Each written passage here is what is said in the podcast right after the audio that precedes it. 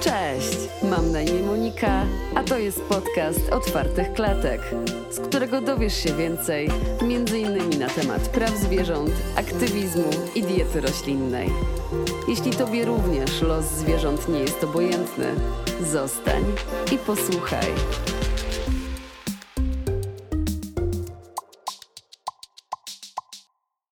Przed nami, a właściwie przed Wami i nami, rozmowa, e, którą umawiałyśmy z Rachelą, no, chyba dobre pół roku, albo lepiej, ale rozmowa na tyle ważna, e, że warto było czekać.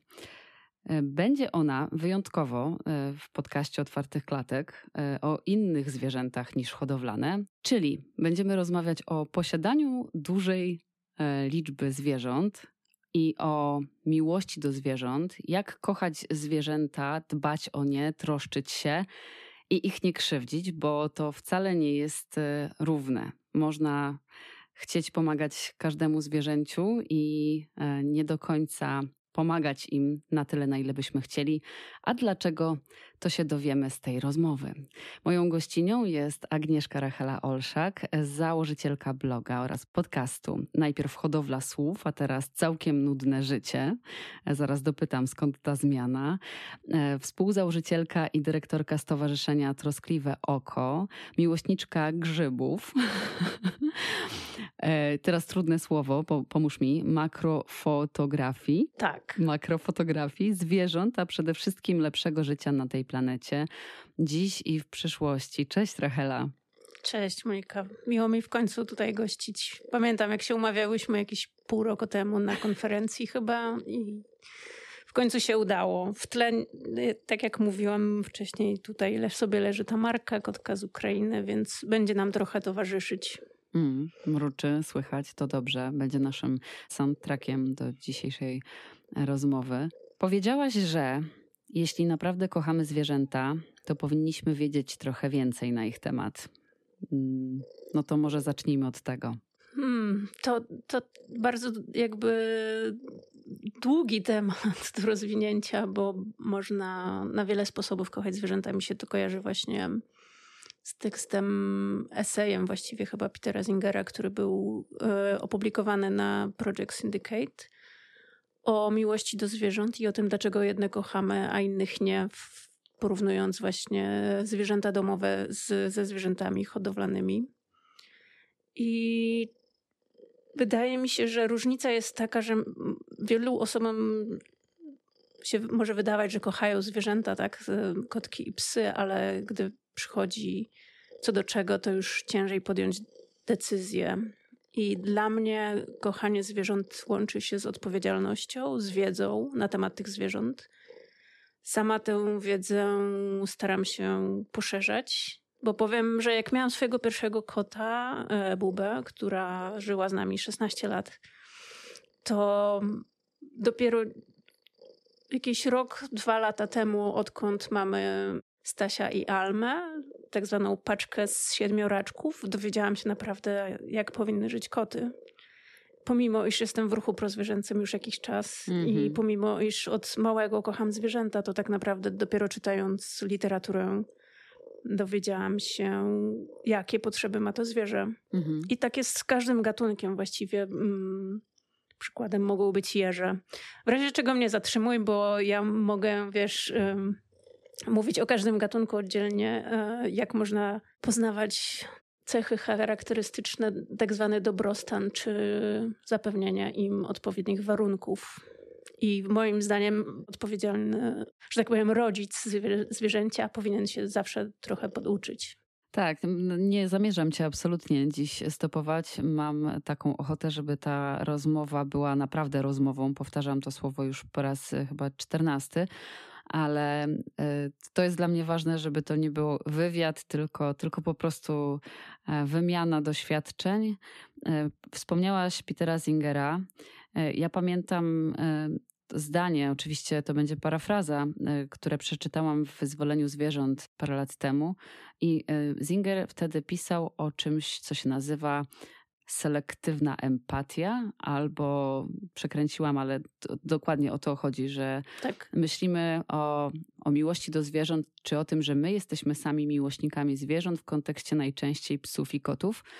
Może czasami jak, jakichś innych małych zwierząt typu świnek morskich, uroczych. chomików, tak, tych uroczych, y, y, czasami żółwi, które są moim zdaniem mniej urocze, ale te, też są wartościowymi istotami i mm, należy im się w mojej ocenie równe traktowanie. Niemniej jednak tak, człowiek ma tendencję do tego, żeby sobie wybierać e, do kochania te zwierzątka, które są ładne, które ładnie wyglądają na zdjęciach i na selfie i takim zwierzętom pomagać. E, I to chyba był case w ogóle z początku wyzwolenia zwierząt, kiedy e, to były lata 70.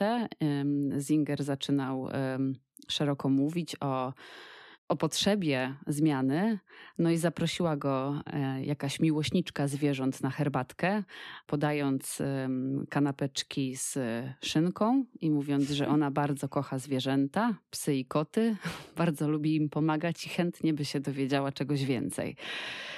No właśnie, psy, koty. Jak jeszcze e, wygląda Twoja zwierzęca rodzina? Co jeszcze wracając tutaj e, do, do tego Zingera, to sam Zinger otwarcie mówi, że on nie do końca lubi zwierzęta, w sensie takim. Ja też. Tak, można... Ja też. Ja się z nim zgadzam totalnie, ponieważ nawet z Pawłem Rawickim kiedyś rozmawiałam w jednym z odcinków tego podcastu o tym, że ja nie jestem miłośniczką zwierząt, także po prostu, nie wiem, nie rozpływam się na widok psów. W ogóle nie wyobrażam sobie teraz już w moim dorosłym życiu mieć psa. Mam dwa koty, e, oba są wyratowane gdzieś tam przybłędy więc tak, i, i, i, myślę, że to jest wystarczy, na, jak na moje spojrzenie na to, ile mogę mieć zwierząt, to jest już sufit. Wiem, że tymi dwoma kotami jestem w stanie się zająć, poświęcić im uwagę.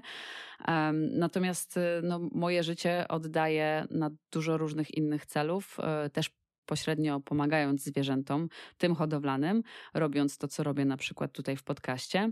I wiem, że nie mogę do domu wziąć więcej e, zwierząt. Także to jest taka pewna świadomość. E, natomiast jeśli chodzi o takie bycie miłośniczką zwierząt, to ja po prostu uważam, że zwierzętom, w związku z tym, że nie mogą walczyć o swoje prawa, no, przydaje się ktoś e, taki jak ja, taki jak wolontariusze otwartych klatek, taki jak ty, e, taki jak inne osoby, którym los zwierząt nie jest obojętny, kto będzie mówił głośno o tym, że dzieje im się krzywda i że trzeba coś zrobić. Czyli tak naprawdę nie do końca potrzebna jest im miłość, tylko rzecznictwo. Dokładnie. Więc y, tu trzeba by było rozdzielić te dwie rzeczy. Natomiast wydaje mi się, sorry, tak jeszcze odbiegam chwilowo od tematu, mm, że też nie, nie można mieć za złe ludziom, że czują, że kochają te zwierzęta. Lepiej, żeby kochali, niż po prostu, nie wiem, krzywdzili, tak? Może ktoś ich kiedyś gdzieś im pomoże, nie wiem, zrozumieć, e, jak można pomagać tym zwierzętom, bo to tak samo jest jak e, hodowcy norek mówią, że kochają swoje norki i to dla mnie trochę jest takie Mm, ironiczne. E, bo przede wszystkim chodzi o to, żeby nie krzywdzić, tak? A to, czy jakby nie musisz ich kochać, ale nie krzywdź. E, takie powinno być założenie. I wracając do pytania, ile my mamy zwierząt, to już w tej chwili jest to chyba 14. Mm, chyba zawsze mówię, bo to jest taka rotacja mm, i, i zazwyczaj mylę te liczby. W tej chwili mamy z naszych stałych bywalców to jest e, Staś, Alma, e, Jagoda i Ula. To są kotki, które znalazłyśmy w stodole w różnych, w różnych etapach. Jedną z nich Ulę Harry porwał w paszczę, jak była mała i po prostu chciałam ją tylko złapać z Krystyną, sprawdzić, czy żyje była tak dzika, że mm, podrapała mnie do krwi i właściwie już prawie mi się zaczynała jakaś infekcja od niej. Nie, nie dała się oswoić i stwierdziłam, że nie znajdziemy jej domu. I została jest w tej chwili misiaczkiem najmilszym na świecie. Hmm. E, od jakichś trzech lat jest z nami tak zwana kiciunia. To jest kot, który mieszkał tu na ogrodzie, jak się wprowadziłyśmy. E, I po prostu zajmował szopę. Zaczęłam go karmić i potem przyniósł siedem małych, więc tak to się zaczęło. Kiciunia jest z nami do dziś. Kiciunia wybrała mieszkanie w Stodole i potem pojawiła się Franeczka, mm, która przyszła z naderwaną szyją do tej stodoły, rzucając się na jedzenie. A widać było, że przeszła bardzo dużo, była bardzo wychudzona i przerażona.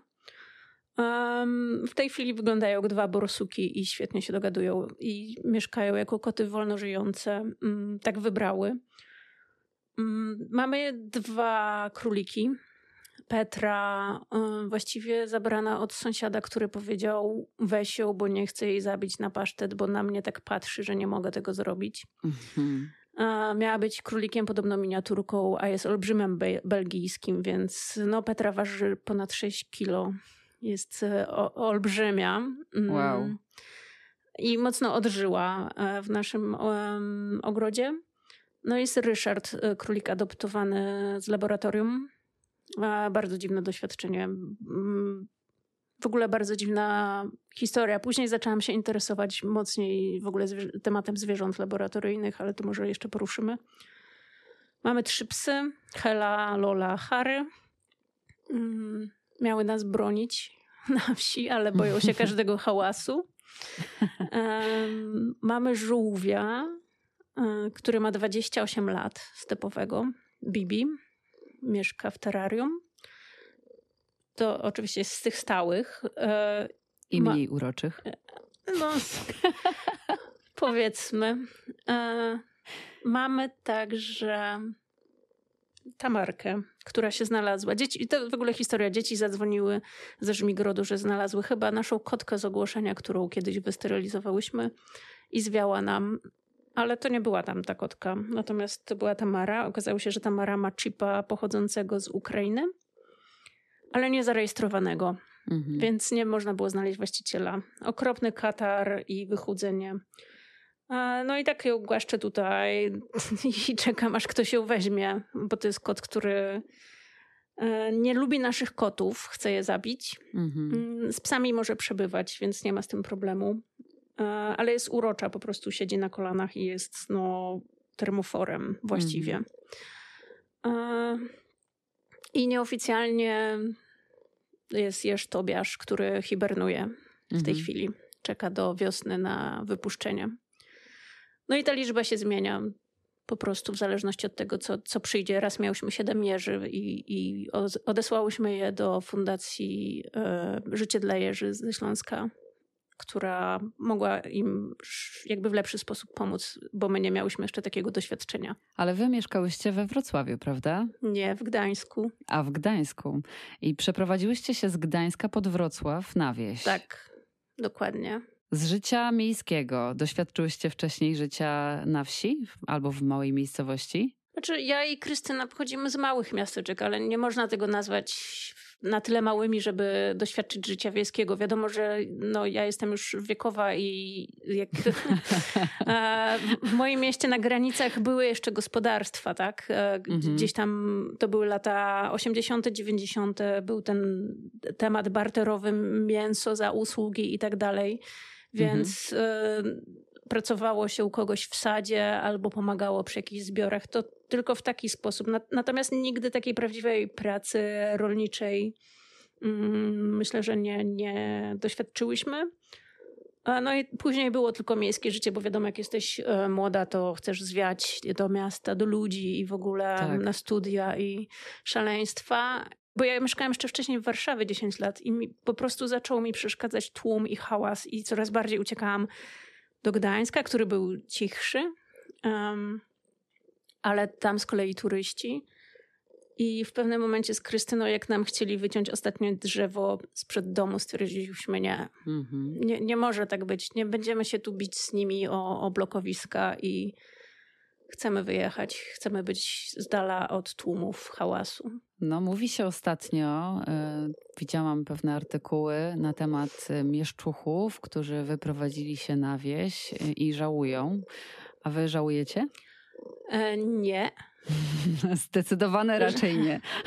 Wiesz co, myślę, że to jest kwestia tego, że często ludzie szukają sobie takiej odskoczni od miasta i traktują tą wieś jako taki domek letniskowy. Natomiast nadal muszą dojeżdżać do pracy autem do miasta. Mhm. I to jest koszmar, bo po pierwsze, no, to nie jest ekologiczne, po drugie, stoisz w korku, po trzecie, tak naprawdę tej wsi mało doświadczasz. My obie pracujemy z domu i to jakby nam zupełnie zmienia postać rzeczy. Nie mamy auta, w tej chwili jeździmy rowerami, jak gdzieś się przemieszczamy. Więc to jest trochę inne życie na wsi. Ja jakby byłam często wyszydzana przez jakichś ludzi, a ty jesteś taka ekologiczna, przeprowadziłaś się na wieś, a to wcale nie jest ekologiczne. No nie wiem, my jakby żyjemy totalnie zielono. Mamy, jakby od razu zmieniłyśmy piec węglowy, który tu był na pompę ciepła. Mamy, wygrałam w ogóle w konkursie fotopanele na dożynkach. Super, gratulacje pisząc je, na dożynkach. Tak, pisząc jeden tekst, bo był konkurs i po prostu jedno zdanie dało nam 27 paneli na dom. Fantastycznie. Więc dla nas już trochę innego życia nie widzimy ewentualnie właśnie zagłębienie się jeszcze dalej, gdzieś w góry. I to są warunki, w których można opiekować się zwierzętami? Można. Mm, zależy, jakie zwierzęta też, wiadomo, nie? I zależy, jakie masz podejście do zwierząt, bo krową już nie bardzo. Chociaż niektórzy się opiekują w trochę innym celu.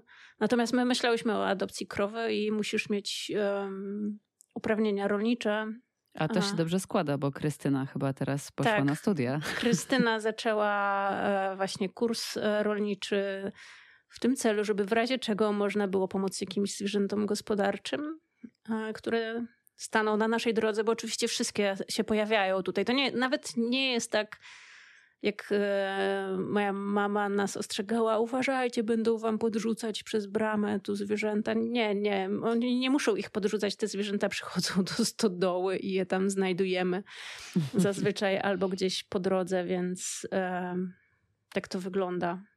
Ale robimy wszystko, żeby mm, nauczyć się jak najwięcej e, jeszcze o tej opiece.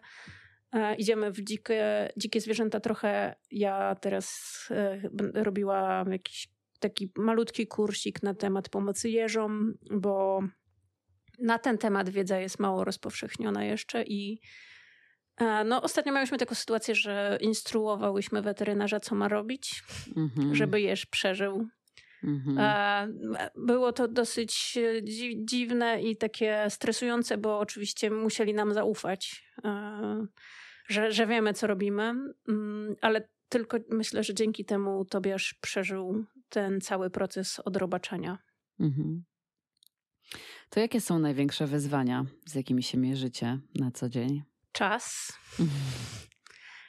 Bo jednak im więcej tych zwierząt, to tym więcej czasu wymaga ich ogarnianie. I no wiesz, można je ogarnąć pod tytułem też jeść, sprzątniesz kuwety i e, wyjdziesz na spacer i tyle, ale no, tak jak widzisz, Tamara leży, ona potrzebuje głaskania, nie wiem, Stasiu potrzebuje pobiegać za drucikiem i czasami on taki, wiesz, drucik do zaplątywania chleba, w sensie folii na chlebie, rzucasz mu i on po prostu aportuje i czasami ja już zasypiam, a on mi przynosi na twarz ten drucik. Więc jakby zwierzęta, każdy z nich mają jakieś swoje dodatkowe potrzeby, oprócz tego, że jedzenie i dach nad głową. I dla mnie jest problematyczne to, żeby znaleźć dobry dom dla kogoś, kogo chcemy wyadoptować, na przykład Tamarę, bo dużo osób kieruje się tym, że no właśnie dach i pożywienie to jest podstawa, a czy będzie go kochał, czy nie, czy głaskał, to jest nieistotne. A ja sobie właśnie nie wyobrażam. Uważam, że musisz e, troszeczkę więcej wiedzieć na temat tego zwierzęcia. Takim przykładem mogą być żółwie, te brzydkie żółwie. Oj, nie brzydkie, tylko mniej urocze. Tak. E, spróbuj kochać ośmiornice. Oj, ośmiornice są podobno cudowne. Oglądałam My Octopus Teacher e, i bardzo -hmm. płakałam na tym filmie. Polecam serdecznie. Tak. To, to jest do, dowód na to, że możemy zapałać sympatią do każdego zwierzęcia. To, że ja mówię, że nie jestem miłośniczką, nie oznacza, że e, gdybym, e, nie wiem, pojechała na dłuższe wakacje na wieś albo w ogóle przeprowadziła się na wieś i poznała pewną krowę albo pewną świnię, to się byśmy nie zaprzyjaźniły. Możliwe, że tak. Znaczy, ja jestem przekonana, że tak. Po prostu nie mam okazji do tego, żeby mm, przebywać wśród innych zwierząt niż moje dwa koty. I poświęcam swój czas miejski, wielkomiejski, stolicowy czas na to, żeby, żeby pomagać zdalnie, tak jak potrafię. E, natomiast e, oglądając ten film, e, byłam naprawdę ogromnie wzruszona tym, jaką więź każde właściwie zwierzę jest w stanie zbudować z człowiekiem, czy człowiek ze zwierzęciem. I ta więź może być super dziwna. Mm. Ja tu polecam jeszcze książkę Inne Umysły, wspaniałą na temat ośmiornic. E, to jest temat też, którym się zajmowałam przez jakiś czas, bo ja mam tak, że ja e, zaczęłam jakby od tych gospodarskich, e, hodowlanych. Potem wszyscy już, znaczy wszyscy z mojej bańki o tym już mówili, więc ja sobie wyszukiwałam kolejne. No to ośmiornice BEM, bo nikt teraz o tym nie mówi, a są bardzo inteligentne, bardzo wrażliwe i żyją bardzo krótko a my już chcemy wyrządzać im krzywdę, hodując je na pożywienie. Potem owady, tak? E, to też jest temat, który jest dla wielu odrzucający wręcz. Nie dość, że substytuty białka teraz będą produkowane prawdopodobnie w dużych ilościach z owadów. To jeszcze jak mówisz o moralności związanej z hodowlą owadów, to w ogóle nikt cię już e, nie prawdopodobnie nie, nie, chce słuchać, bo jaka moralność, jakie odczucia i jakie cierpienie u owadów. A ja właśnie ta makrofotografia staram się wychodzić do lasu, szukać różnych żyjątek tam Wystarczy, że uklękniesz na pół godziny i widzisz zupełnie inny świat dookoła siebie, ten właśnie makro, i widzisz te małe istotki, które dookoła ciebie wędrują. I usłyszałam ostatnio coś bardzo ładnego, że jedna osoba z, no jakby na Instagramie odnośnie moich zdjęć powiedziała, że to jej uświadamia, że jest jakiś inny świat jeszcze, mm -hmm. którego na, na co dzień nie dostrzegamy, tak?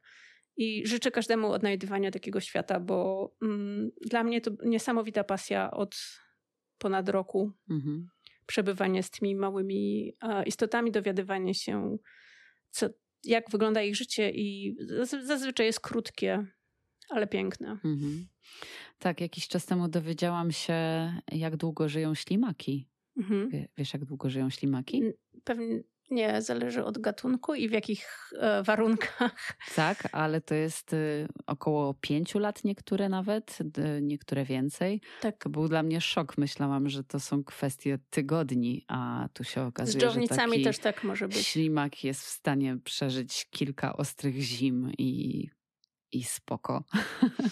No, ale właśnie od, odnośnie tego, jak mówiłaś jeszcze, że nie masz e, możliwości przebywania z innymi zwierzętami, to ja się bałam bardzo wielu zwierząt. Ja się w ogóle panicznie bałam kleszczy i nie chciałam chodzić na, e, na miasto, e, na spacery do lasu, jeszcze żyjąc w mieście. Mm, I to było dla mnie tak, że przestałam w ogóle chodzić w takie miejsca i przeprowadzając się na wieś po prostu zmasakrowały nas kleszcze. Było ich tyle, że ja miałam kleszcze na laptopie.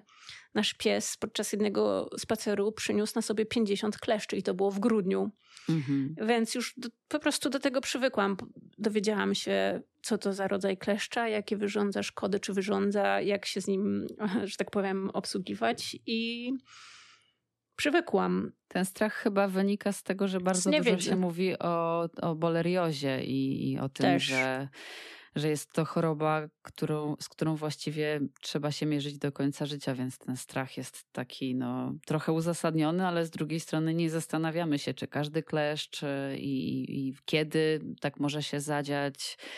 No, także tak, myślę, że niewiedza to jest właśnie słowo klucz y, i, i pewna świadomość, no bo przecież nie jesteście jedynymi y, osobami, które żyją na wsi wśród kleszczy. No, kleszczy i komarów i w ogóle tego wszystkiego, pająków, co zazwyczaj jak żyjesz w mieście, to cię najbardziej irytuje, a tu inaczej już do tego podchodzisz. Trzeba się przyzwyczaić. Odnośnie takich największych wyzwań to też e, to, co mnie bardzo mocno uderzyło na początku, to jest takie zderzenie ze śmiercią i narodzinami, bo na wsi zupełnie widać inaczej ten cykl. Mhm. Widzisz, jak, e, nie wiem, koty właśnie dzikie, wolno żyjące, nie dzikie, bo dzikie to są rysie, ale mm-hmm. wolnożyjące albo te udomowione, które zostały w jakiś sposób pozbawione domu, mm, polują na sikorki, które przed chwilą karmiłaś. Potem, nie wiem, na te sikorki rzuca się jakiś e, dziki, drapieżny ptak i odrywa im głowę. E, I to są takie widoki, których nie chcesz widzieć. A one się zdarzają na wsi dosyć często. Mm, nie wiem, gdzieś tam ktoś widzisz.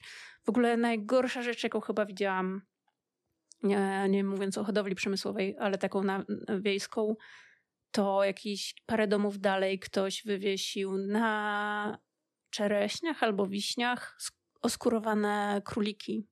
To miało niby odstraszyć chyba jakieś ptaki, czy nie wiem, czy mia... nawet nie wiem w jakim celu, ale wyobraź sobie, że wracasz z zakupów rowerem mm, w tej sielskiej aurze i nagle widzisz zwłoki zwierząt na drzewie. Coś okropnego, hmm. więc e, to też jest dla wytrwałych, mi się wydaje, bo bo są tu jeszcze gospodarstwa, są tu rolnicy, e, są tu ludzie, którzy mają inną mentalność e, do, do zwierząt. Ale jak osiągniesz malutki sukcesik, że twoja sąsiadka idzie wykastrować kota, to, to jest to dla ciebie ogromny sukces, tak naprawdę. No właśnie, to porozmawiajmy może chwilę o tej mentalności, bo to jest temat, który ostatnio jakoś dziwnie pojawia się często e, w moim życiu. Ostatnio na kolacji charytatywnej, która była organizowana z okazji dziesięciolecia otwartych klatek, ktoś poruszył ten temat przy stoliku, że właśnie na, na wsiach y, mentalność y, ludzi y, co do konceptu opiekowania się zwierzętami jest zupełnie inna niż w mieście. W mieście mamy zwierzęta jako takich niewolników miłości. Zresztą ty chyba też o tym robiłaś jeden ze swoich odcinków. Mhm. E, a na wsiach ta mentalność jest totalnie inna, nawet w kontekście psów y, i trzymania ich na łańcuchu. Często te psy po prostu całe życie spędzają na tym łańcuchu, no ale przecież no, ma budę, daje mu jeść, y, przechodzę obok niego tam ze trzy razy dziennie i jest okej. Okay. Ta osoba, z którą rozmawiałam, opowiedziała mi historię, że zdarza jej się właśnie jechać na te wsie i, i szukać takich zwierząt, które ewidentnie potrzebują pomocy i w jakiś sposób wykupywać te zwierzęta, czy, czy, czy, czy je po prostu zabierać, umawiać się, ugadywać się z właścicielem jakby ten właściciel często chętnie się pozbywa, znaczy z, jej, z tej opowieści e, tego zwierzęcia oddaje, ale później pisze na przykład wiele SMS-ów, e, czy aby na pewno nie do, nie do bloku, bo w bloku to sobie nie poradzi i tam dodatkowe e, SMS-y z troską. Jakby widać, że, że ta, to zainteresowanie losem zwierzęcia jest, ale z drugiej strony ten obraz dotychczasowego życia tego psa jest zupełnie po prostu niepasujący do tego do tej troski, którą ten właściciel objawiał w momencie, kiedy te, tego psa się pozbył. Myślę, że to jest ciężkie. To trzeba wziąć pod uwagę wiele rzeczy i podam taki przykład, że mój sąsiad e, miał trzy psy. Każdy znikał w różnych e, sytuacjach. Jeden do dziś chodzi po polu sobie gdzieś tam luzem. Pytanie, czy jak zabierzesz tego psa, to czy nie pojawi się następny, który będzie cierpiał? Bo to dla mnie jest e, problematyczne. To dla mnie jest problematyczne też z wykupywaniem zwierząt. E, bardzo nie lubię tej praktyki, bo to napędza jakąś taką niezdrową. Um, niezdrowy interes, tak? E, ktoś może zauważyć, że na tym zarobi i szczególnie to nie jest spoko w kwestii, nie wiem, zwierząt hodowlanych, lisów czy koni. Aczkolwiek wiem, że bardzo ciężko odmówić, tak, tym zwierzętom. Jednak moim zdaniem to jest to, co staramy się zrobić w naszym stowarzyszeniu Troskliwe Oko, podejść z trochę innej strony. Nie możemy budować kolejnych schronisk, bo to nie zmieni sytuacji zwierząt. To pogrąża większość organizacji, e, stowarzyszeń, które bankrutują albo są zadłużone, przez co nie mogą później już pomagać zwierzętom. Trzeba podjąć się zmian systemowych, i często to jest ten taki moralny ból, tak, że Nie wiem, jak możesz odmówić kolejnego kota, który widzisz, nie wiem, ledwo żyje, albo. No, na szczęście ja nie miałam aż tylu sytuacji, ale wiem, że moje znajome z innych stowarzyszeń mają i, i bardzo ciężko jest im odmówić pomocy, chociaż mają po kilkanaście tysięcy długu. Ale to trzeba w trochę inny sposób rozwiązać, bo inaczej nie, nie rozwiążemy tego problemu nigdy. No to jaki jest sposób na to, żeby ten problem rozwiązać? Rachelo. Nie, nie będzie to wielka tajemnica, że w przypadku przynajmniej bezdomności zwierząt, w tym momencie projekty, które jakby zostały skierowane do gmin, tak trochę zamieciono ten problem pod dywan. Gminy dostają finanse, aby prowadzić projekty tam pomocy zwierząt, zwierzętom bezdomnym. Niestety większość gmin albo nie robi tych projektów w ogóle, nie, nie wywiązuje się z nich, albo robi je nieudolnie, bo nie ma wiedzy, albo zarzuca je urzędnikom, którzy mają swoją inną pracę w urzędzie, ale dostają jako dodatkową e, na przykład opiekę nad zwierzętami i nie mają pojęcia, co z tym zrobić. Ale projektów takich jak kastracja i sterylizacja. Tak, mhm. tak, tak, tak. No bo taki każdy projekt gminny powinien e, według ustawy mieć kilka poszczególnych elementów, właśnie jak pieniądze na kastrację zwierząt, e, pieniądze na, przypuśćmy, leczenie, to jest obligatoryjne, co prawda, bo nie jest uwzględnione. E, pieniądze na pomoc e, opiekunom społecznym w dokarmianiu tych zwierząt. Tylko czasami, nie wiem, gmina ma mm, bardzo dużo kotów, a na kastrację przeznaczają 5 tysięcy. To jest nic. No nic. E, z badań wynika, że jeżeli nie mm, wykastrujesz jakby w mieście większej populacji, to problem będzie tylko rósł bo e, wykastrowane koty stają się mniej agresywne i te niewykastrowane przejmują władzę i problem od nowa, mm, że tak powiem, rośnie. Plus temat schronisk, które są tak zwanymi mordowniami, gdzie no, mm-hmm. do, dochodzi do takich sytuacji, gdzie są ustawki pomiędzy hyclami a, nie wiem, gminami, które płacą im za wyłapywanie zwierząt Potem nie liczy się już zwierzę, tylko to, ile to zwierzę przebywa w schronisku, bo w niektórych, ja nie mówię o gminnych schroniskach, mówię o schroniskach, które są typowymi biznesami, e, gdzie płaci, gmina musi płacić za dzienny pobyt zwierzęcia. Więc w ich interesie nie jest szukanie domów tym e, zwierzętom. Mhm. No tak, to chyba problem, który, o którym się mówi głośno już od jakiegoś czasu i o jak daleko sięgam pamięcią, kiedy rozmawiałam z ludźmi, którzy próbowali zaadaptować psa czy kota, y, to ilość spotkań, ilość spacerów, ilość wizytacji, jakichś kolejnych e, punktów w regulaminach, które należy spełnić, no nie, nieliczni y, zostali na tym polu bitwy i z sukcesem udało im się zaadoptować zwierzę. No trudno jest, to prawda. Myślę, że dla, dla zwierząt też e, jest to istotne, bo często wracają jednak. Dlatego wiele schronisk nie prowadzi na przykład adopcji w trakcie świąt. Mhm. No tak, bo ludzie tak, chcą tak. zwierzątka na prezent i potem oddają. Na pewno trzeba tutaj wypośrodkować to, jak bardzo należy sprawdzić, czy rzeczywiście to zwierzę będzie y, kochane i zaopiekowane. Przede wszystkim zaopiekowane, a na ile y, na ile te przepisy czy te procedury są uciążliwe i będą zniechęcały tak. osoby, które naprawdę mogłyby się zaopiekować z danym zwierzęciem.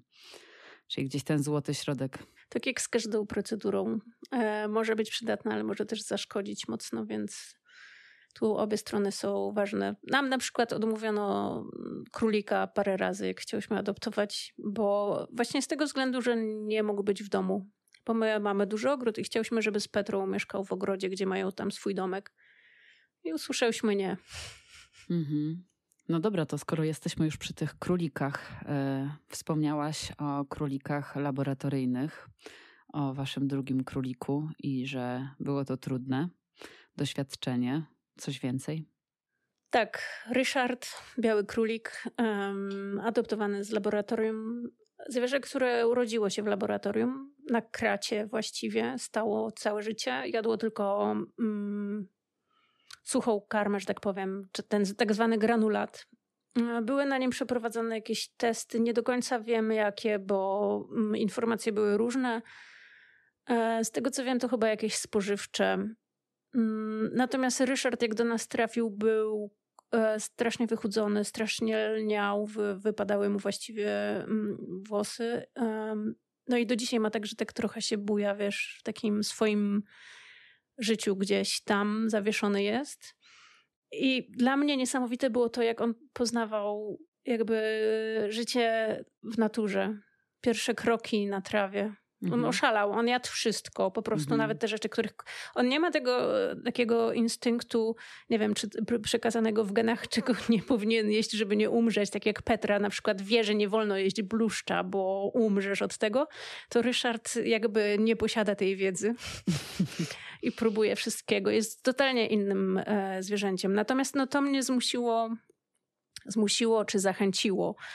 E, nie wiem, przeczytać e, jeden rozdział właśnie z Animal Liberation, e, Wyzwolenia zwierząt Petera Zingera, ten rozdział o testach. Mhm.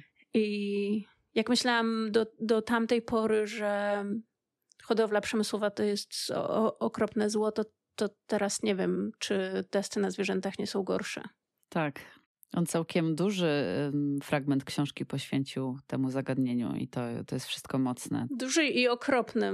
I... Okropne, no. no. Ale też e, nauczyło mnie to mocno podejście, że nie zawsze moralność jest czarno-biała i czasami po prostu no, są sytuacje, kiedy trzeba wybrać źle.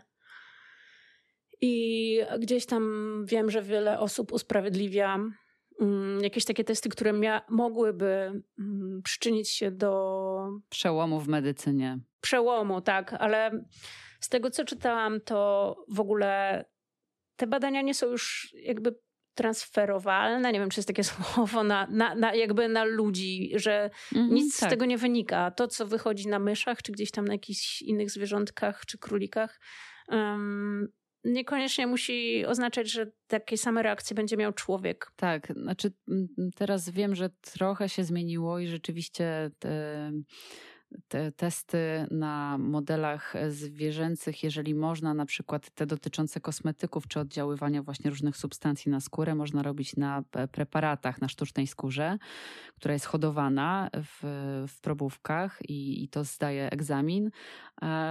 No ale jeśli chodzi na przykład o reakcję oczu na pewne tak. środki, to dalej się wykorzystuje zwierzęta, którym moi drodzy słuchacze e, wkrapla się czy mm, aplikuje daną substancję, zakleja się e, tym zwierzętom oczy i się czeka.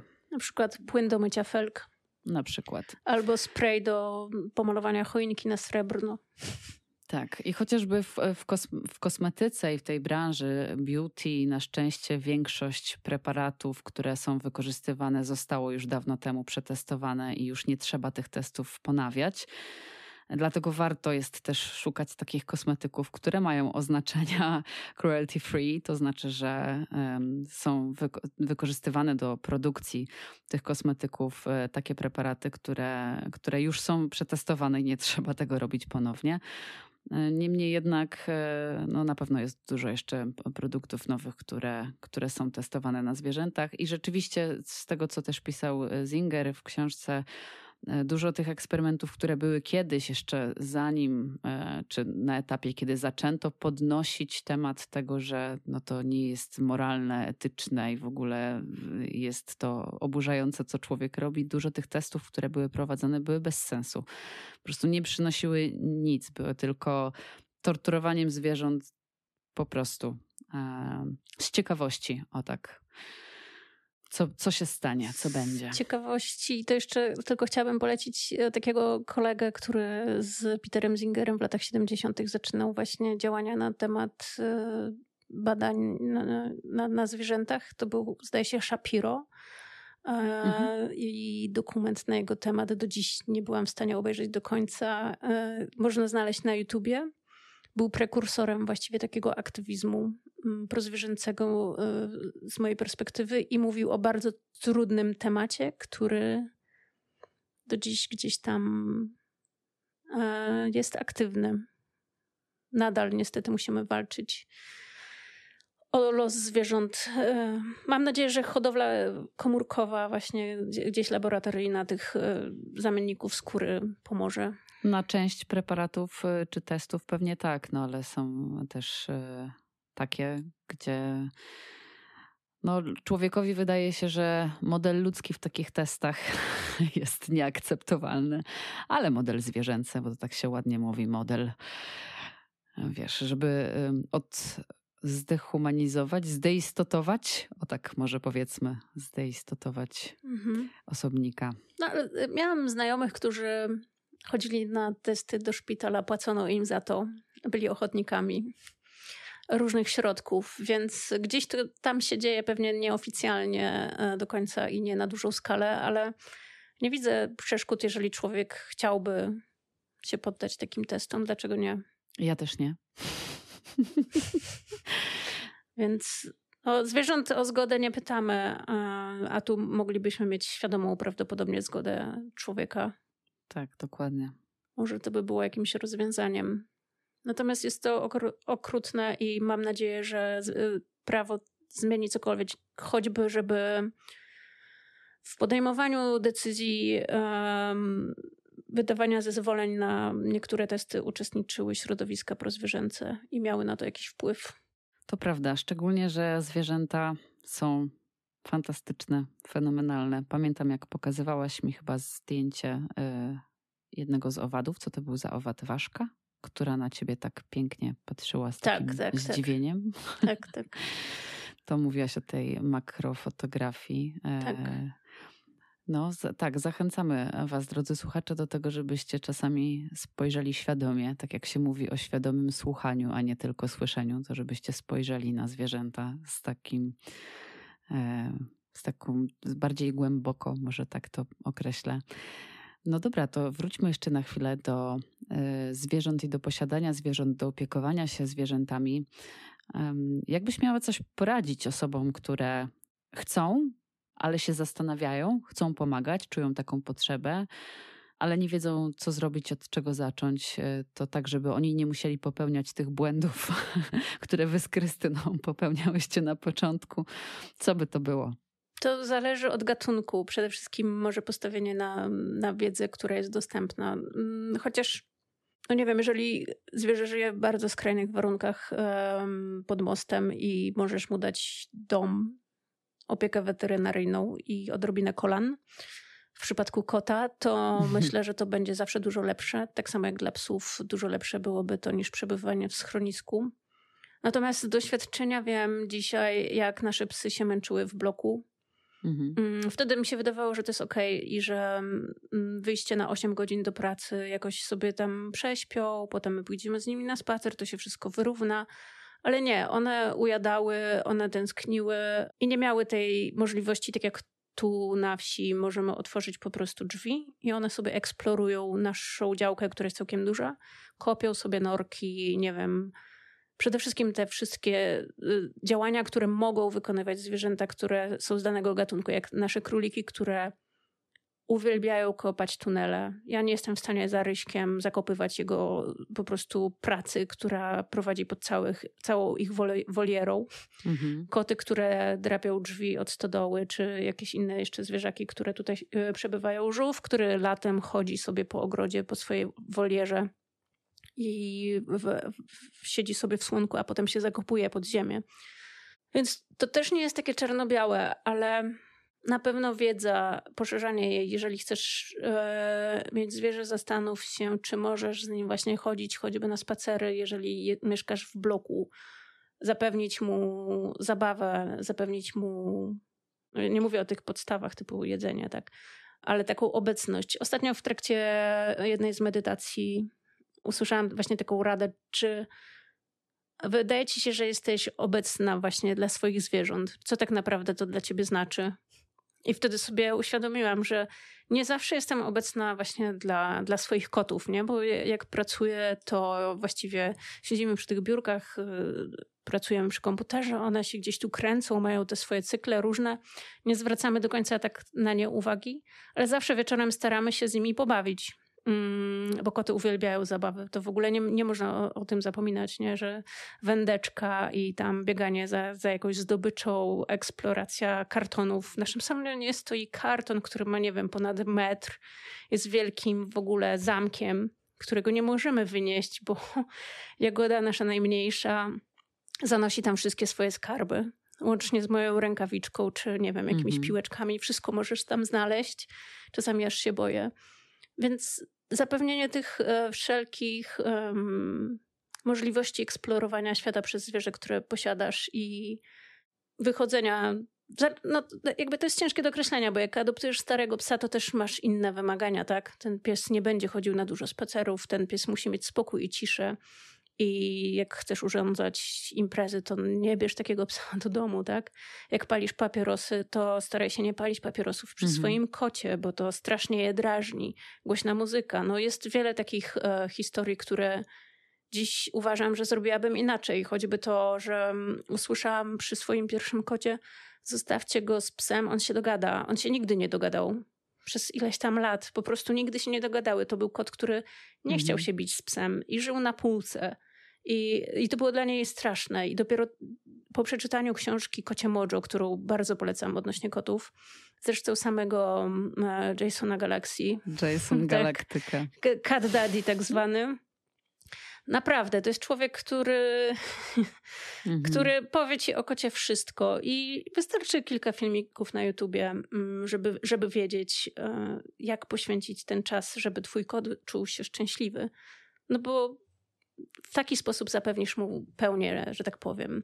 Ale jest też aspekt etyczny, czyli ten, że więzimy te zwierzęta nadal.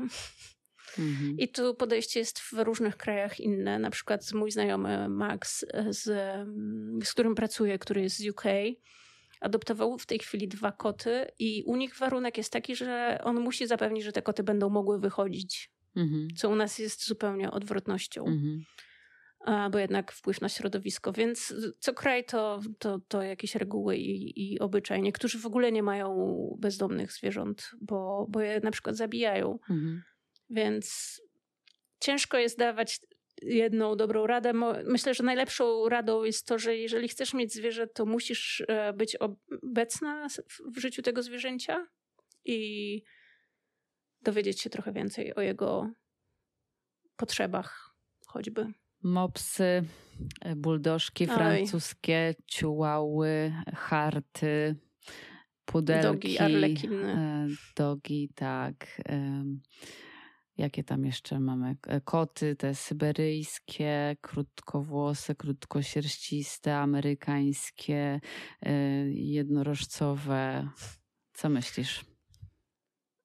Stanowczenie dla hodowli zwierząt rasowych E, to jest też coś, co mm, publicznie wypowiadamy jako nasze Stowarzyszenie Troskliwe Oko.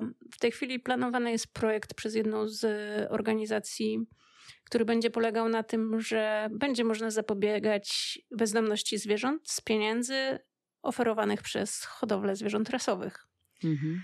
Co prowadzi trochę nie do za, zaprzestania jakby pojawiania się bezdomnych zwierząt, wręcz do napędzania jakby kupowania tych zwierząt, które potem nie wiadomo, czy będą miały dom, bo genetyczna modyfikacja dziś może zaskoczyć wiele osób. Nie, nie, nie jesteśmy, zresztą powstały już e, badania, które potwierdzają, że niekoniecznie otrzymasz te cechy, które byś chciała otrzymać od danej rasy. To, to nie jest już do końca prawdą. Mm, tak jak kiedyś ci się mówiło, że nie wiem, Golden Retriever jest wspaniały dla, dla dzieci, czy, czy coś takiego, nie?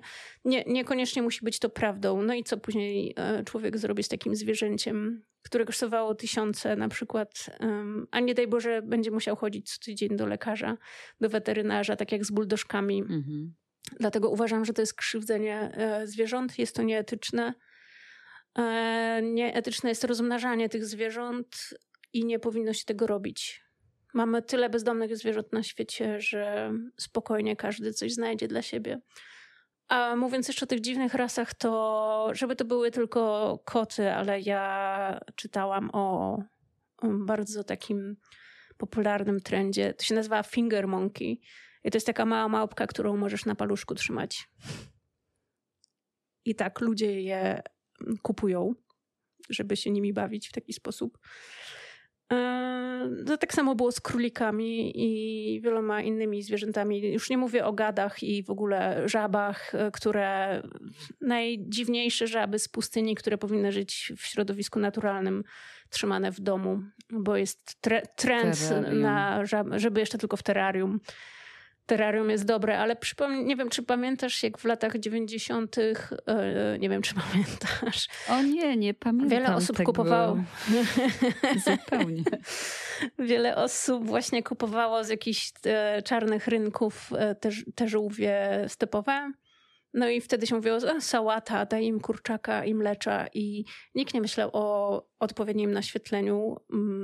Jak my dostałyśmy Bibi, bo ją przejęłyśmy właśnie z takiego domu, gdzie jadła tylko sałatę i miała dostęp do balkonu i chodziła po podłodze, to oczywiście ja zrobiłam cały research i mnie to przeraziło. To nie jest żółw przede wszystkim dla dzieci. To jest, to jest ogromny koszt. Terrarium e, to jest bardzo dużo pieniędzy. Lampa, która ma, musi mieć promienie, e, a UVB e, coś, coś tam dalej, które jakby zapewniają jej wchłanianie witamin. Do tego codziennie świeża woda, pożywienie, możliwość hibernacji, co już sprawia problem, e, bo żółwia się hibernuje w lodówce w takim domu normalnym. Jeżeli nie może żyć w. Co? Tak, żółwie hibernują w lodówkach najczęściej. Żółwie hibernują w lodówkach. One. E, Muszę to przeprocesować, poczekaj potrzebują hibernacji, aby mm, często wyregulować swój organizm i no one na zimę powinny zasypiać, a często zasypiały pod kaloryferami, co nie było dla nich najlepsze. Drogi słuchaczu, droga słuchaczko, czy dalej myślisz, że wiesz dużo o zwierzętach? Myśl, tak, no myślę, że to jest bardzo ciekawe. Ciekawe są też historie dotyczące jeży, to też polecam. Wieża najlepiej rzucić jabłkiem, a jak, do, jak w ogóle położysz na nim jabłko, to będzie idealnie. Mhm. Nie. To bardzo szkodliwe takie są, tak. Dokładnie, tak. Co jedzą jeże? Um, normalnie w środowisku naturalnym jakieś ślimaczki, dżownice, owady, czasami martwe ptaszki małe. Um, mogą być e, przede wszystkim mocno mięsożerne, tak? Właśnie nie są tak roślinożerne, jak wielu osobom się wydaje. Jeżeli je hodujesz albo chcesz, żeby przetrwały, możesz im zapewnić um, drewnojady. To są larwy, które mm, później przeistaczają się w ciekawe żuczki, które mogą ci zjeść cały dom. Mm, to był dla nas problem etyczny, jak musiałyśmy kiedyś wykarmić siedemierzy mhm. i kupiliśmy te owady. Bo tak, te owady się hoduje mm, w tej chwili do wykarmiania właśnie różnych e, dziwnych okazów zwierząt, między innymi ptaków. Są polecane do recyklingu plastiku, mhm. bo są w stanie przejeść plastik i wydalić i nic się im nie dzieje. Więc są gdzieś tam, drewnojady są gdzieś um, uznawane jako przyszłość w recyklingu, co jest trochę głupotą, bo nie, nie w ten sposób powinniśmy o tym myśleć, żeby dawać drewnojadom jeść plastik. Mhm. Mm, natomiast no jeże, wiadomo, jakieś karaczany i, i takie inne dziwne mhm. owady, które mogą wzbudzić e, lęki. Dlatego no, no, drewnojad myślę, że był najbardziej akceptowalnym. E, niestety mierze są gatunkiem zagrożonym przez wszystko właściwie, przez to, że są zabijane na ulicach, bo się tulą do ciepłej ziemi i uważają, że kolce je obronią przed autem.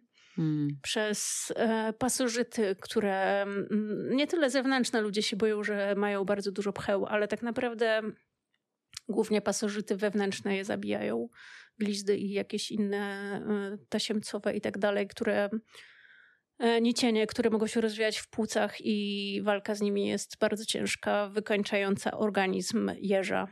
Więc tak naprawdę mm, po e, opiece nad kilkoma jeżami nie dziwimy się, że są takim gatunkiem zagrożonym. Mhm. A nie mówimy tego po to, żeby was zniechęcić do pomocy, mimo że brzmi to jak trudna wręcz syzyfowa praca, tylko właśnie zachęcamy do tego, żeby nawet jeżeli nie chcesz zająć się jeżem, co rozumiem, ale są organizacje, które tym jeżem pomagają i robią to profesjonalnie i zrzeszają ludzi, którzy kochają jeże i wiedzą, co to jest za odpowiedzialność, więc jakim organizacjom pomagającym jeżom warto pomagać? Mm, to zależy od województwa, bo w każdym województwie masz e, ośrodek dzikich zwierząt jakiś. E, powinien on być właściwie wszędzie.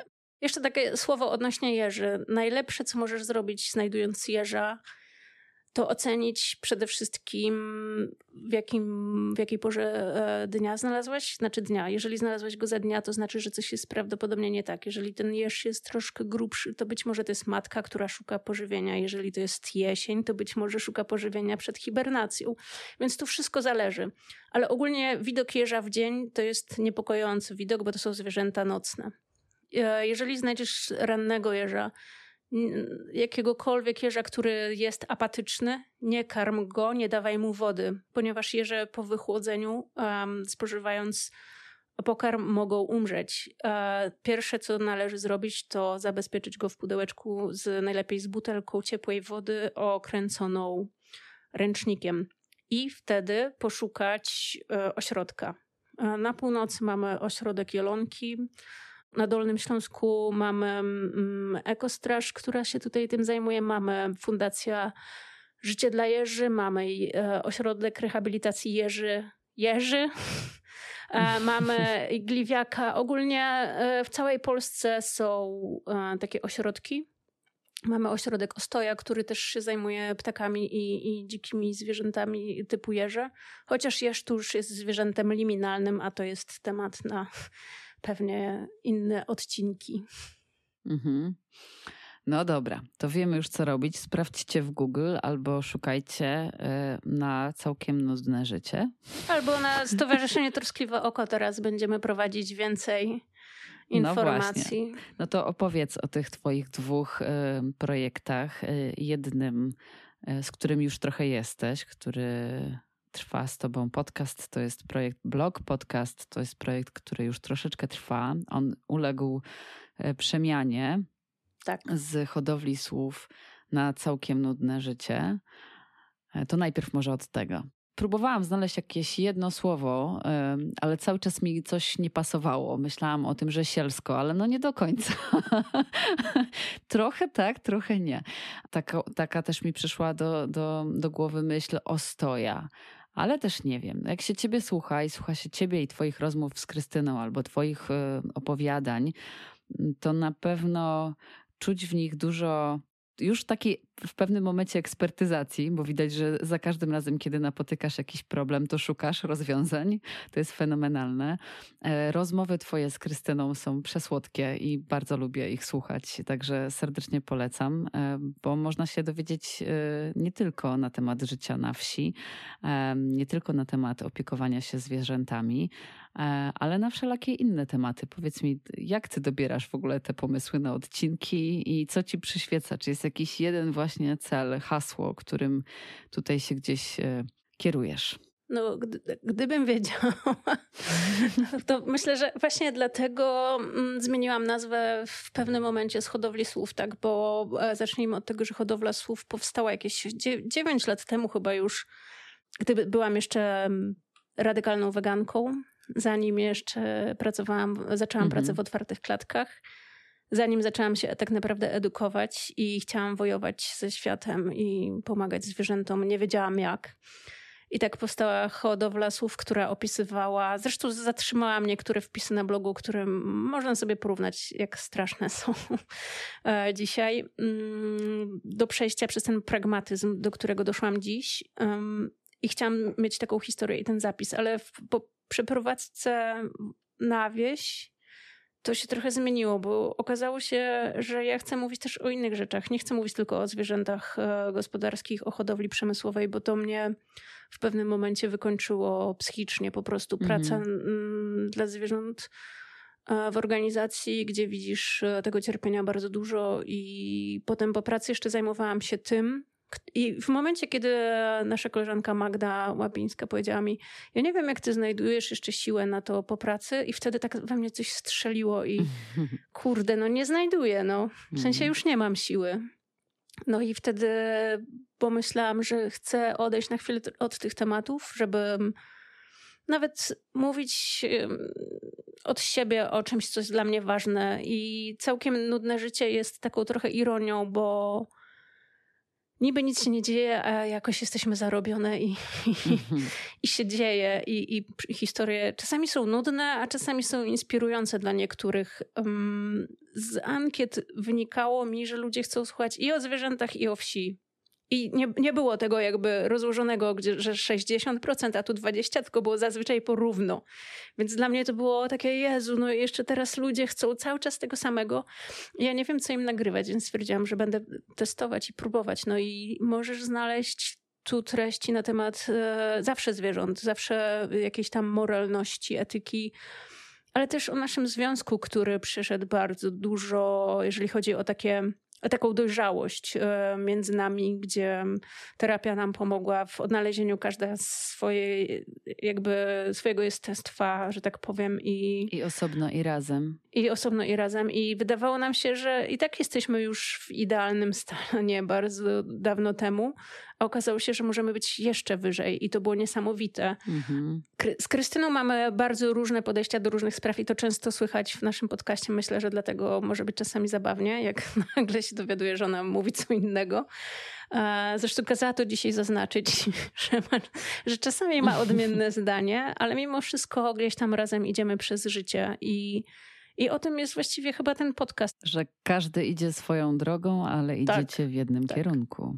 Dokładnie tak. Mm, napotykając przy, na różne historie, um, które opowiadamy. No i czasem jest to historia grzyba z lasu, a czasem jest to, nie wiem, historia kotki z Ukrainy, a czasem historia diagnozy autyzmu. Więc um, ludzi dziwiło, że mówię tak otwarcie od zawsze o tematach, które mogłyby być tematami tabu. Ale ja jakby tam jest jeszcze taki kawałek, który jest tylko nasz, którego nigdy pewnie nie opowiem. Natomiast y, mam takie podejście, że jeżeli mi jest z czymś ciężko, jeżeli o tym opowiem, być może komuś to pomoże i i miałam takie, mm, miałam takie wiadomości od ludzi, że dzięki za ten odcinek, albo dzięki za te mhm. książki, powiedz mi, co mogę zrobić więcej. I choć to nie są tysiące osób, nie, nie jestem sławną podca podcasterką, e, to jednak no, jest to dla mnie wartościowe, że, że dostaję taki feedback zwrotny od osób, które mnie słuchają. Mm, fantastycznie. I co? I to cię e, natchnęło do tego, żeby założyć stowarzyszenie, czy, czy jeszcze inaczej? Czy to jest wypadkowa wielu różnych czynników? To się działo. E, myślę, że właściwie to już jak byłam mała, taka bardzo, bardzo mała yy, i mama... To wymyśliłam nazwę, Stowarzyszenie nie, nie. Troskliwełko. Nie, to, to, pamiętam, że mama mi mówiła, że oddawała, że ze mną szedł sznur psów ze szkoły do domu, bo po prostu im oddawałam kanapki po drodze. Yy, ale wtedy myślałam o tym, że bardzo chciałabym mieć kiedyś schronisko albo jakąś fundację, żeby pomagać zwierzętom. Oczywiście z czasem e, te jakby marzenia się zmieniały na różne inne. Mm, przez chwilę chciałam być archeologiem, archeolożką, potem artystką. E, oczywiście na szczęście nie poszłam w tym kierunku. Na szczęście, bo mm, uważam, że mogę więcej dobrego zrobić e, działając tak, jak działam teraz. Z szacunkiem do wszystkich znajomych artystów. Mm, Dziękuję bo oni też, oni też mogą zrobić, e, tylko na swój sposób. No, to nie był do końca mój kierunek. Myślę, że przytłoczyło nas to, że na tej wsi co chwilę znajdujemy koty w stodole. I że no już nie miałam siły jeździć ich e, kastrować i po prostu co chwila szukać im domu i nie wiem, już obdarowałam wszystkich znajomych naprawdę dookoła i się miejsce zapełniło i mówię tak, co teraz, nie? W sensie nie możemy cały czas powtarzać tej samej czynności, bo wiem, że te koty nadal będą. Wtedy stwierdziliśmy, dobra, robimy tak, że założymy stowarzyszenie, to chociaż może dostaniemy jakąś karmę na te koty, żebyśmy same za to nie płaciły, bo zaczęło być y, to już spory wydatek. Dodatkowo była pandemia, więc wszystko się pozmieniało. To miało uregulować tylko takie na początku nasze sytuacje tutaj z urzędem, z gminą, że, żeby może mieć jakieś dojścia i pomoc innym zwierzętom. Rozpisałam plan, zaprosiłam znajomych, Basię, Orestesa, e, Martę. To są najbliższe mi i Krystynie osoby, które znamy jakiś czas. Mhm. W sumie Martę najdłużej, 10 lat ponad, bo przeszłyśmy przez obie korporacje. E, I to są osoby, którym mocno ufam i te osoby, i z nimi chciałam to zbudować. Mhm. I na początku nie, nie wiedziałam pewnie, co chcę zrobić wielkiego, ale wiedziałam, że chcę coś zmienić, żeby ta sytuacja nie, nie miała miejsca, żeby się nie powtarzała. I oczywiście tak se palnęłam. Zakończmy tą bezdomność. To jest jakby. Bardzo dużo czytam forum efektywnego altruizmu i działań i e, z tym związanych. I oczywiście to jest e, temat, który nie powinien być wspierany, bo jakby mniejsza ilość zwierząt cierpi, ale idąc myślą e, Williama McCaskilla, jest to jednocześnie temat, e, który jest zaniedbany, ale bardzo blisko sukcesu, mhm. bo już od tylu lat się o tym mówi. Jakby jest już ugruntowane podłoże. Problem jest znajomy. Są różne sposoby na rozwiązanie go, są dowody na to, że to nie działa. Więc być może jesteśmy bardzo blisko osiągnięcia sukcesu. Mhm. Ja powiedziałam, że ja chcę to zrobić. I powiedziałam to jakby moim znajomych, słuchajcie, zakładamy stowarzyszenie, robimy to. Porozmawiałam z Asią z Stowarzyszenia Stukot, która też była kiedyś w otwartych klatkach. Mm, tak się poznałyśmy. Asia prowadzi organizację w Bydgoszczy i powiedziała, Rachela, wchodzę w to z tobą od razu, nie? Mhm jak usłyszała tą motywację e, i, i jakby mm, argumenty, to stwierdziła, robimy to. Co prawda jej e, dziewczyny z organizacji robiły już takie projekty i nawet chodziły do sądu, opiniując niektóre działania gmin e, i nie przyniosło to żadnego rezultatu. I powiedziałam im, dziewczyny, musimy spróbować inaczej, jakby efektywniej. Musimy mhm. podejść z innej strony do tego tematu nie zatrzymać się na zrobieniu jakiegoś raportu, tak jak większość organizacji, czy nawet Najwyższa Izba Kontroli, tylko idziemy z tym do Sejmu. Nie wiem, jak to się robi, ale znam ludzi, którzy wiedzą. I po prostu działamy. W tej chwili, jak widzę, jak to się rozpędza, to mnie to trochę czasami przeraża. No to jak można pomóc Wam, żeby się jeszcze bardziej rozpędzało? To jest pytanie. Właśnie. Mm, Szukamy wolontariuszy na pewno. Zgłosiły się do, do nas dwie już osoby fantastyczne, które mają super doświadczenie. Na pewno chciałabym z nimi współpracować. Natomiast e, wiadomo, że to, to, nie jest taka organizacja, gdzie wyciągniesz kotka z klatki i, i będziesz czuła, że coś naprawiłaś. Tak? Tu, tu trzeba będzie poczekać na efekty. To jest długotrwały proces, e, który nie da ci satysfakcji od razu. I to jest proces, który jest ciężki, ponieważ my na początku potrzebujemy wsparcia finansowego. Właśnie odpaliliśmy zbiórkę, która prawdopodobnie zakończy się fiaskiem, bo nikt nie odpalał zbiórki na narzędzia, które nam są potrzebne. A my używamy mm. Slacka, który w wersji darmowej to jest tak jakby biuro wirtualne, w którym możesz zjednoczyć wszystkich ludzi, którzy pracują nad projektem. Ale on po 90 dniach archiwizuje wiadomości. O nie. A my mamy bardzo ważne tam wiadomości czasami e, i, i jest to dla nas problematyczne. E, niestety nie jesteśmy organizacją KRS, a w Polsce większość rzeczy i za granicą e, za darmo dla organizacji NGO jest po zarejestrowaniu. A my jesteśmy stowarzyszeniem zwykłym, które normalnie jest prawnie zarejestrowane w gminie, ale nie ma tej funkcji i niestety nie dostaniemy, nie możemy prowadzić zbiórek na Facebooku, nie możemy e, być zarejestrowani w TechSoup, nie możemy mieć zniżek normalnie na produkty mhm. dla NGO-sów. Dlatego wsparcie finansowe teraz jest dla nas ważne, abyśmy mogli chociaż utrzymać tego Slacka przez rok um, i domenę, która będzie, domenę serwer pod stronę, to już tak zdradzam trochę przyszłość, bo tam będą e, publikowane m, mm, wyniki naszych działań które nie będą wygodne dla wielu osób. Mhm.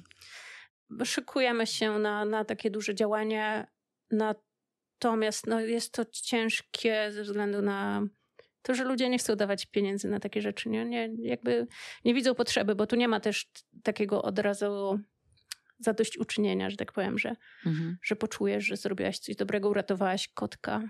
Prawdopodobnie uratujemy bardzo dużo zwierząt dzięki tym działaniom. Mhm ale trzeba będzie na to poczekać. Czyli teraz wolontariusze yy, i jakie jeszcze wsparcie? Tak, zbiórka, która jest w tej chwili opublikowana na stronie Stowarzyszenia Troskliwe Oko. No i jeżeli ktoś chce nam pomóc, to mamy jeszcze do obsadzenia bardzo dużo województw, do których trzeba będzie wysłać różne pisma, więc można się do nas zgłaszać. Mm, szczególnie jeżeli stowarzyszenia jakieś chcą z nami wejść w mm, kooperację, bo wiem, że już co przechodziły i wiem, że są zmęczone, ale uważam, że tu potrzeba nam działań. Mamy trzy adwokatki, które z nami już współpracują, więc wierzę, że to będzie sukces. No, tego Wam życzę. Dzięki Rachela. Myślę, Dzięki. że um, mogłybyśmy tak pewnie gadać jeszcze kilka godzin albo i dłużej.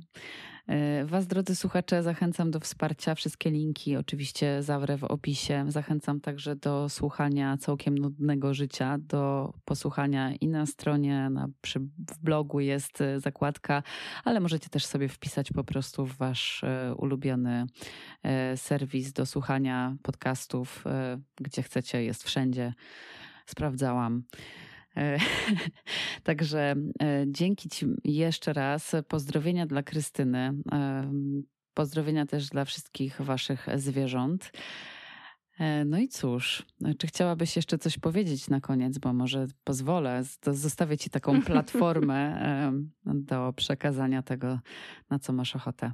E, dziękuję za, za zaproszenie mnie tutaj i możliwość wypowiedzi się w zupełnie innym temacie. E, tym temacie, który przez mojego ulubionego Petera Zingera jest negowany w jakiś sposób. Hmm. Tak, nadal uważam, że najwięcej zwierząt cierpi w hodowli przemysłowej i, i warto się na tym skupić. Natomiast jeżeli masz jeszcze jakąś przestrzeń i chcesz pomagać lokalnie, to jest coś, co mój ulubiony mm, człowiek od medytacji, Sam Harris, mówił działania lokalne motywują, motywują do robienia większych rzeczy, więc jeżeli chcesz wesprzeć e, lokalne działania, nie, nie, nie, musisz mieć wyrzutów sumienia, że to nie jest efektywne, tak? bo nie samą efektywnością całe życie się żyje. Czasami na drodze pojawia ci się jakieś zwierzę i po prostu musisz coś zdecydować i to jest twój moralny wybór, który masz e, każdego dnia. E, I dziękuję ci Monika za wszystko. E, ja jakby, widzisz, jak się nakręciłam, jak rozmawiam. E, pamiętam naszą pierwszą rozmowę, może wiele osób nie wie. Ja miałam blokadę przed mówieniem e, i dzięki Monice tak naprawdę trafiłam na terapię, bo Monika, jako moja e, niedoszła trenerka, powiedziała mi: Rachela, słuchaj, ty nie masz problemu z mówieniem, ty masz problem ze stresem. I tak się wszystko zaczęło. I tak, o tym możecie posłuchać w całkiem nudnym życiu. Polecam Monikę jedyna osoba, która mnie super zdiagnozowała po dwóch lekcjach. E, uważam, że to było coś naprawdę najlepszego w moim życiu, co no, jakby w tej kwestii, co się wydarzyło i pomogło mi się rozwinąć dalej. Dzięki temu dzisiaj mówię bez stresu i mam nadzieję, że trochę lepiej. Bardzo się cieszę. Bardzo się cieszę. Nie, no, z całą e, przyjemnością e, się ciebie słucha i miałam w trakcie naszej rozmowy dziś dokładnie takie przemyślenia, że jejku, jak jest naprawdę fajnie. tyle, tyle miałaś obaw. Pamiętam te obawy z, sprzed wielu, wielu miesięcy i, i te, jak się poznałyśmy e, i to, co teraz słyszę, naprawdę jest bardzo inspirujące i motywujące i bardzo życzę Tobie i e, Krystynie e, dużo cierpliwości, dużo energii do tego, żeby robić to, co robicie dalej, bo kto jak nie wy, e, mam nadzieję, że dużo osób, ale kto jak nie wy, możecie wy i ja być teraz obserwatorami tego, ale także pomagaczami. Ja już wsparłam na Patronite, także tam też możecie zajrzeć i dorzucić swoją cegiełkę. No dobra, fantastycznie. Bardzo Ci dziękuję jeszcze raz. E, no i cóż, drodzy słuchacze, do usłyszenia w kolejnych odcinkach i pamiętajcie o tym, żeby zaznaczyć sobie dzwoneczki tam, gdzie możecie, żeby zostać powiadomionymi o kolejnych e, odcinkach. To działa. Do usłyszenia. Cześć. Cześć.